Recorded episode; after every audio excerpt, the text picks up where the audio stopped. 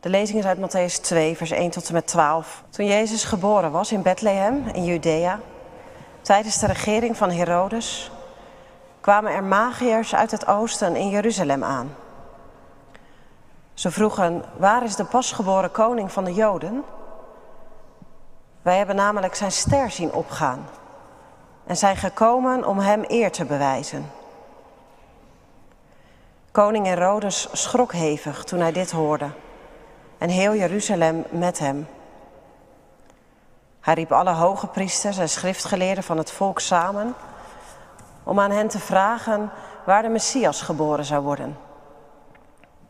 In Bethlehem, in Judea, zeiden ze tegen hem. Want zo staat het geschreven bij de profeet.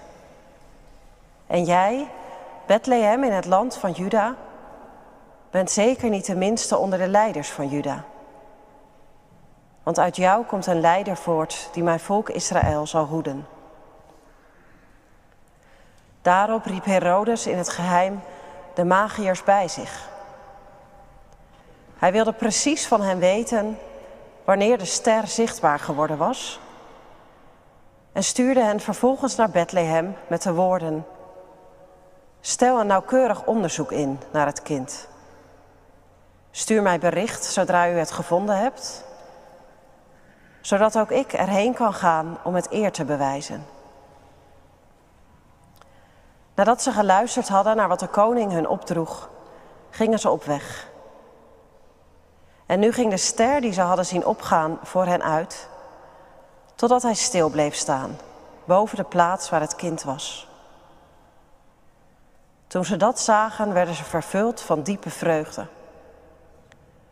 Ze gingen het huis binnen en vonden het kind met Maria, zijn moeder. Ze wierpen zich neer om het eer te bewijzen. Daarna openden ze hun kistjes met kostbaarheden en boden het kind geschenken aan. Goud en wierook en mirre. Nadat ze in een droom waren gewaarschuwd om niet naar Herodes terug te gaan, reisden ze via een andere route terug naar hun land. Lof zij u, Christus. Wij hebben zijn ster gezien in het oosten. Gemeente van Christus. In elk leven geeft God de ster van zijn belofte. Om ons te lokken uit ons natuurlijke bestaan naar de Messias, naar zijn koninkrijk. Wij hebben zijn ster gezien in het oosten. De aanvang van het nieuwe jaar draagt altijd nog iets van de belofte in zich. De verwachting, de richting. We zijn ergens naartoe op weg. Maar zodra het jaar even op streek is, ben je dat zomaar ook weer kwijt. Oh ja, zo gaan de dingen. Zo ben ik. Zo werkt het leven, zo is de tijd. En wakkert het al snel iets aan van de onwrikbaarheid der dingen. Alles gaat altijd hetzelfde. De verwachting dat dingen anders kunnen worden, dooft makkelijk uit. In deze dagen, of misschien op willekeurig welk moment, kan dat heel sterk zijn. Het gevoel dat je gevangen bent in een wetmatigheid. Zo gaan de dingen, zo zal het altijd gaan, heel veel anders zal het niet worden. Alsof corona ons bespottend aankijkt. Dacht je nou echt dat het leven anders zou worden na al die lockdowns? Dachten we echt dat er een nieuwe traagheid, een gezegende rust zou komen? En terwijl de ster van de ene president daalt, rijst op een andere plek de ster van een andere president. En de machtsmiddelen zijn misschien anders, maar de ontwrichting is hetzelfde. Nu zijn er mensen die de gave van de aandacht hebben. Van het analyseren, studeren, denken, verbanden leggen. Wijze vrouwen en mannen die de vluchtigheid voorbij zijn en kennis van generaties terug met zich meedragen. Een wijsheid die geen vermoeidheid is, zoals Vazalis zegt. Ik stel mij voor dat de magiërs zulk soort mensen zijn. Hoeveel het er zijn en hoe ze heten, we weten er weinig van. Maar ze zijn er en hun kennis van het heelal, van de stand van de sterren, van het ritme van koningen die aantreden en aftreden, is ongeëvenaard. In het sterrenstelsel zien zij het wereldgebeuren weerspiegeld. De stand van de sterren hangt samen met de wetten van het denken. En dat allemaal binnen een onveranderlijk systeem. Daarbinnen zijn bewegingen en veranderingen, maar allemaal binnen een wetmatigheid waar niet aan te tornen valt. Alles is te berekenen en alles is te duiden. De wetten van Mede en Persen die voortkomen uit de astrologie zijn dan ook onwrikbaar. Als ze eenmaal gesteld zijn, is er niets meer aan te veranderen. Naast dat het orde en rust geeft, zit daar ook iets gruwelijks in. De dingen zijn onafwendbaar. Zoals ze gaan, zo zullen ze altijd gaan. Misschien is dat wel de wereldbeschouwing, de levensvisie die de grondtoon vormt van Europa of van Nederland. De een geeft zich eraan over, de ander verzet zich nog of wil er niet aan. Maar die verlammende gedachte dat dit het is binnen dat ene systeem. We worden geboren, we leven, we sterven. En daarbinnen zijn de wetten van economie bepalend en van afkomst en van ras. En je hoopt wel dat het anders is, maar waar zie je dat dan? En als je een schamele poging doet om er iets van uit te leggen aan een ander, je neemt het woord hoop in de mond of toekomst, dan voelt het als as in je mond en weet je eigenlijk ook niet hoe je het zeggen moet en of het wel waar is. Dat het leven zo gesloten is, zo ingebed in een strak systeem van economische groei, van technologie die steeds meer bepaalt wat je doet en hoe je leeft en wat je verlangt en hoe je moet zijn. Misschien is dat wel een van de redenen dat, dat het leven zo moeilijk leefbaar is. En je kijkt met verbijstering naar je Oekraïense leeftijdsgenoten die zich staande proberen te houden in hun land met de schaarse mogelijkheden die er zijn. En je kijkt naar jezelf en je denkt, hoe dan? Welke richting is er in mijn leven? Hoe houd ik mijzelf staande? Ik weet niet of die magiërs eraan lijden, aan die wetmatigheid van het leven. Dat er een vaste orde is waarbinnen hun leven zich afspeelt, jaar na jaar na jaar. Ik weet niet of zij daaraan lijden. Ik zie het wel in onze cultuur en in mijn eigen generatie. Ik stel me voor dat je het ziet bij je kinderen of dat het bij jezelf naar binnen slaat. Ik denk het ook te zien bij klimaatactivisten die lijden aan dit leven en aan de onverschilligheid dat er zo weinig in beweging komt en dat er zo weinig hartstocht te bespeuren is voor een andere manier van leven. Ze worden nogal eens meewarig aangekeken. Jonge mensen die voor dit of tegen dat zijn.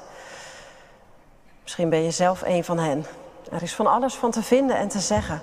Maar misschien zijn zij, misschien ben jij het wel, die een steen door de ruit van de wetmatigheid gooit. Dat je geen vrede vindt in het bestaande en snakt naar iets anders. Iets nieuws, iets goeds. Misschien ben jij dat wel, samen met je klasgenoten, met je vriendengroep. En proberen jullie een tegenbeweging te vormen. En de moed te bewaren dat het anders kan. Dat er ook andere sporen te trekken zijn. Uitgerekend zij die zo ingesponnen zijn in het web van de wetmatigheid. Uitgerekend zij, de magiërs die geconcentreerd leven binnen het systeem van wetten en sterren. Zij hebben aandacht voor die verschijning die buiten elke wet en ordening valt. Wij hebben zijn ster gezien. We weten niet waar hij vandaan komt en wat hij betekent, maar deze ster is anders dan alles wat we ooit gezien hebben. God breekt pontificaal door die starre, onwrikbare denkwereld heen. Door die ijzeren wet van de stand van de sterren en de werking van het leven. Hij is geen onbewogen verschijnsel, geen opperwezen in het groot heelal. Maar hij beweegt. God is een komende verschijning. En vanwege zijn komst is die ster aan de hemel verschenen.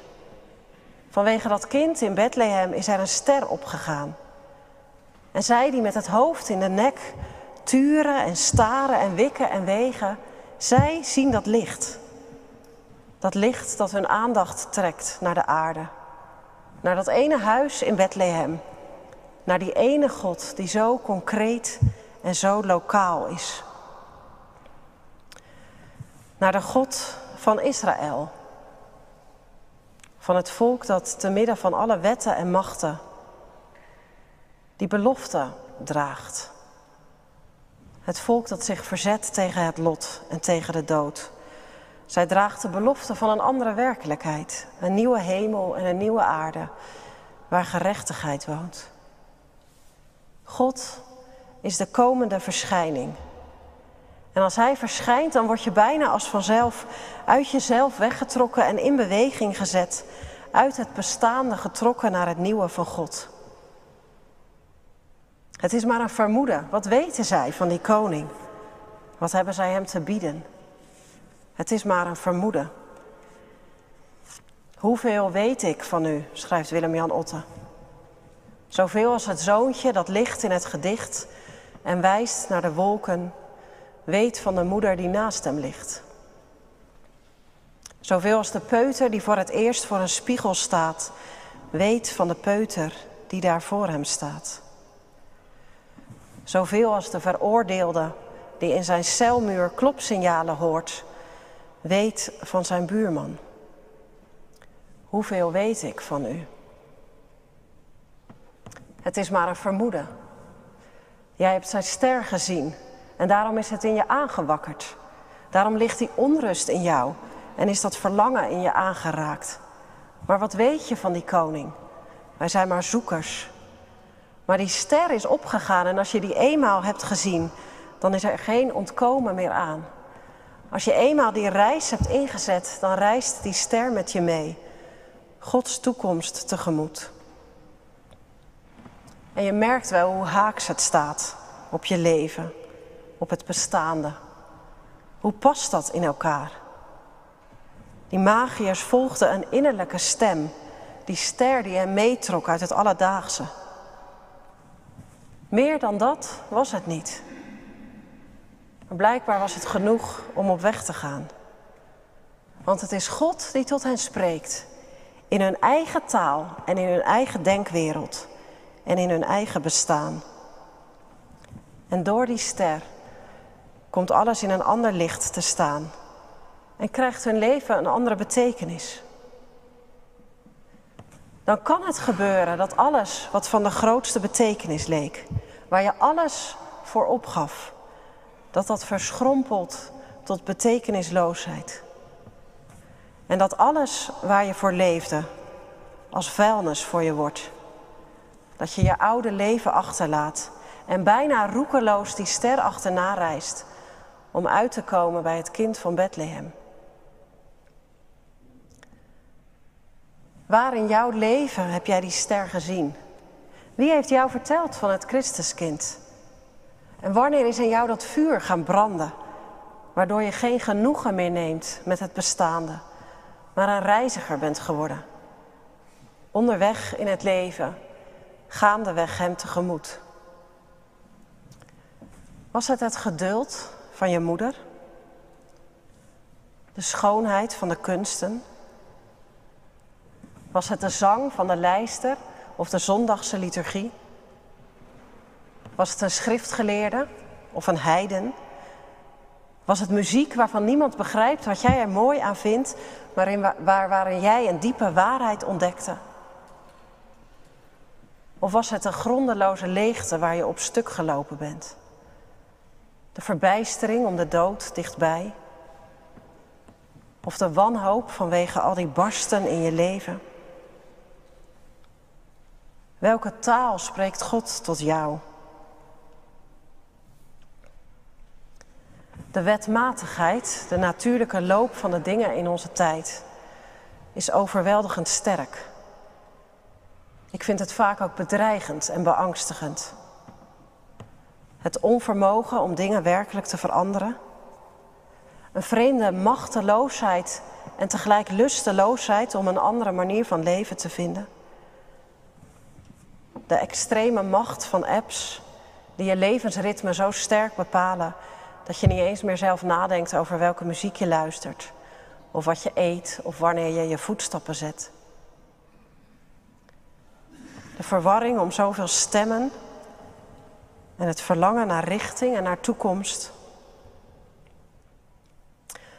Tegelijk, dit is een tijd waarin je misschien wel op zijn scherpst ziet waar de hiaten zitten, waar de holte zit, het lege, het vacuüm. Misschien is dit wel een tijd waarin je dat heel scherp kunt zien. En dat in die holte, in dat lege, dat God daarin zijn ster doet opgaan. En dat je daarin de fluistering hoort van de belofte van Gods koninkrijk en van Gods komende verschijning. God stelt een nieuwe ster aan de hemel, in het licht waarvan de wetten die wij uitschrijven en de lichten die wij plaatsen verbleken. God wakkert een nieuw koningsverlangen in ons aan, naar het Christuskind, die ons verzoent met God en met het leven. Wat is hij voor koning? Hij die niet verborgen wil blijven, maar ook geen heerser is zoals andere heersers. En hoe komt het dat die koning soms zo sterk invloed uitoefent in het leven en soms zo zonder macht en zonder stem lijkt? Wat weten wij eigenlijk weinig van hem? En toch, er is iets van buiten dat die magiërs weglokt uit hun eigen ritme en hun eigen denken en hun eigen gewoonten. Er was iets van buiten dat zij niet kenden, waar zij niet eerder van hoorden. Maar God deed een gooi naar hun ziel en zij ontwaakten. God doet een gooi naar je ziel en plaatst een ster om je te lokken naar de Messias en naar zijn koninkrijk. Maar wat verwacht hij dan van mij? Wat kan ik hem geven aan geschenken en aanbidding? Je voelt misschien bij jezelf of je ziet om je heen zoveel levens waar de richting uit verdwenen is. Zoveel gelatenheid en zoveel overgave aan wat ook maar, behalve aan die ene God. Hoe makkelijk het is om op te gaan in de dingen en je niet te verzetten. Om mee te bewegen met het ritme van de massa en niet te veel vragen te stellen. Misschien is dat wel wat het koningskind van je vraagt. Verzet. Verzet tegen het leven dat iedereen leeft. Tegen de starre, onwrikbare wetten van de tijd, waar vele zielen aan geofferd worden en waar zoveel levens aan kapot gaan. Laat je in beweging brengen door die ster die is opgegaan. Laat je weglokken uit het karige, kale koude van de wereld die altijd maar doordraait. En reis gewoon mee met die magiërs en met die karavaan van al die kleine en grote mensen. Die ene kerk die Christus tegemoet gaat om Hem te ontmoeten. Houd vol. Christus en zijn koningschap is ons gegeven als een ster in de nacht. Als Gods genade in een spijkerharde wereld, in onze verfromfraaide, verloren levens. In de naam van de Vader, de Zoon en de Geest. Amen.